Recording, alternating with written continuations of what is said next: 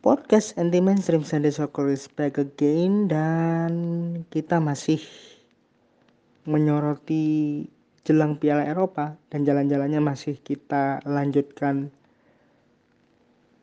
Roma sudah, Baku sudah, sekarang kita ke Copenhagen. Tapi sebelum kita mulai jalan-jalannya ke Copenhagen, lagi-lagi mau ingetin ada sebuah channel YouTube anti mainstream namanya adalah Pro Rookie YouTube channel production. Di situ kalian bisa nonton game virtual berasa nyata real life. Buat yang suka mainin game FIFA 21 dan juga Pro Evolution Soccer 2021 ini adalah jawaban untuk kalian yang butuh hiburan dari game-game virtual. Jangan lupa untuk like, comment, share, and subscribe. Serta nonton videonya sampai habis. Agar jam tayang Proroki bisa on target sesuai dengan yang ditantang oleh YouTube. Nah, kali ini kita akan mulai jalan-jalannya di kota ketiga. Kita ke Denmark yuk.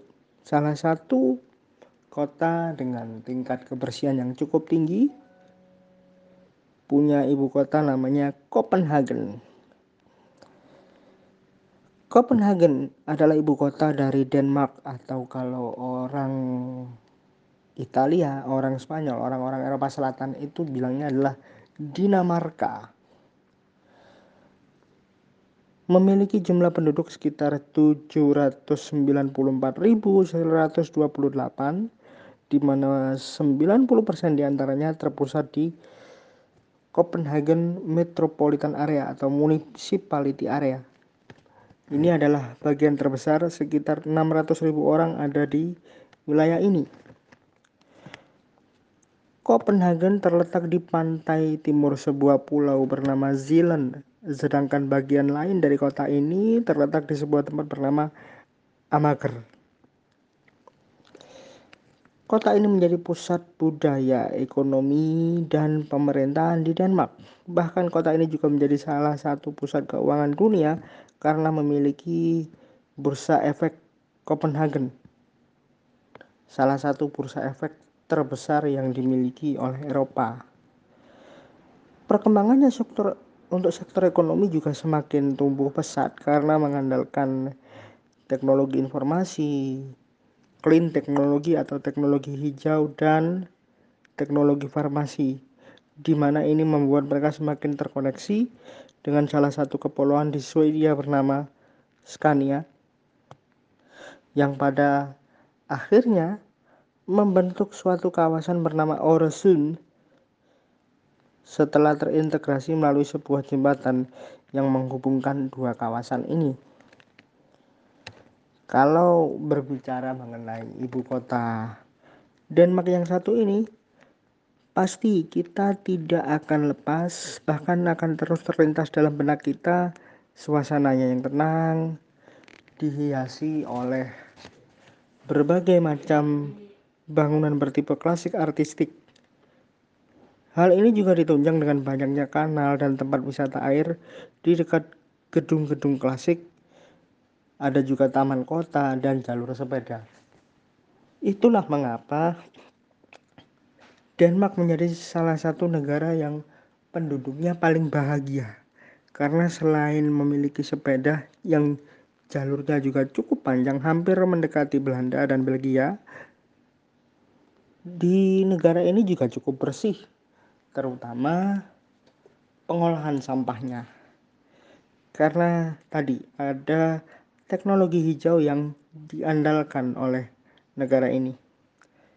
Kalau untuk iklim bagaimana? Nah, ini yang menarik. Iklim di negara yang berada di kawasan Eropa Utara ini bisa dibilang adalah ocean climate. Ini adalah kategori yang diberikan dasarnya adalah sistem iklim klimatologi Koppen di mana karakter dari iklim jenis ini adalah suhu dingin yang ekstrim di beberapa waktu tertentu. Menurut catatan data klimatologi yang khusus untuk kota Copenhagen, suhu yang bisa dirasakan di kota ini ketika masuk di bulan Juni hingga Juli, di mana itu adalah waktu-waktu yang tepat dengan digelarnya Piala Eropa tahun ini 12 Juni nanti Suhunya berkisar antara 15,6 sampai 18,1 derajat Celcius. Bahkan di beberapa bulan tertentu, suhunya bisa dingin sekali. Bisa mencapai 0 derajat sampai minus 3 derajat Celcius. Dan berbicara mengenai Copenhagen, kalau sepak bola kita nggak bisa lepas dari yang namanya tim nasional Denmark yang menjadi juara Eropa tahun 92 dan menjadi kejutan besar ketika itu. Selain itu juga kita tidak bisa memalingkan pandangan dari Parken Stadium. Salah satu stadion yang nantinya akan menjadi venue untuk Piala Eropa tahun 2020 yang digelar 2021. Stadion yang dibuka pada 9 September 1992 ini ternyata sudah mengalami dua kali renovasi, yakni tahun 2001 dan 2009. Untuk sepak bola, stadion ini punya kapasitas 38.065 kursi. Sedangkan jumlah ini sebenarnya bisa diekspansi sampai 55.000 kursi tetapi itu untuk keperluan konser musik. Dan memang benar bahwa banyak penyanyi top yang pernah konser di sini. Salah satunya adalah Michael Jackson, King of Pop. Ketika itu adalah History, Hysteria World Tour, sorry, Hysteria World Tour. Tour dunia yang digelar Michael Jackson pada tahun 1997 di Denmark, terutama di Copenhagen.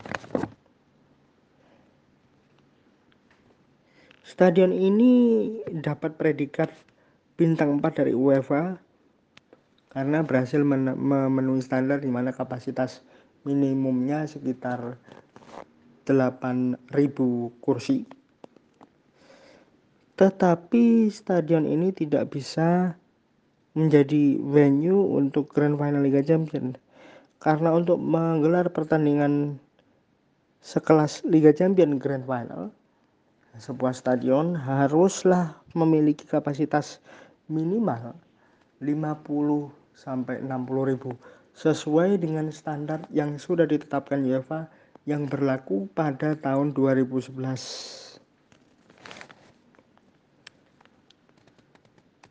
Meskipun tidak bisa menjadi tuan rumah untuk Grand Final Liga Champions, tetapi stadion ini pernah menjadi host untuk Grand Final Cup Winners Cup tahun 1994 dan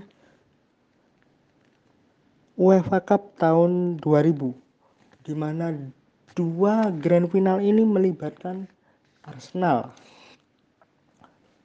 Yang satu Arsenal juara di sini tahun 94 Cup Winners Cup, tapi di tahun 2000 Arsenal Arsenal kalah dari Galatasaray setelah bermain imbang nil nil 00 di waktu normal. Satu momen yang akan dikenang dari serangkaian peristiwa yang pernah terjadi di stadion ini adalah kejadian kerusuhan yang melibatkan fans ketika tim nasional Denmark bertemu Swedia untuk kualifikasi Piala Eropa 2008 Kejadiannya pada tahun 2007 di mana ketika itu ribuan fans masuk ke lapangan pada menit ke-89 imbas dari penalti kontroversial yang diberikan oleh wasit asal Jerman Herbert Vendel dan juga dikeluarkannya salah satu key player asal Denmark setelah meninju pemain Swedia Marcus Rosenberg. Pemain Denmark yang dikeluarkan itu adalah Christian Poulsen. Dan setelah momen ini pertandingan ditangguhkan dan UEFA memutuskan untuk memberikan kemenangan walkout 0-3 untuk Swedia dan memberikan denda sebesar 60.000 euro untuk timnas Denmark.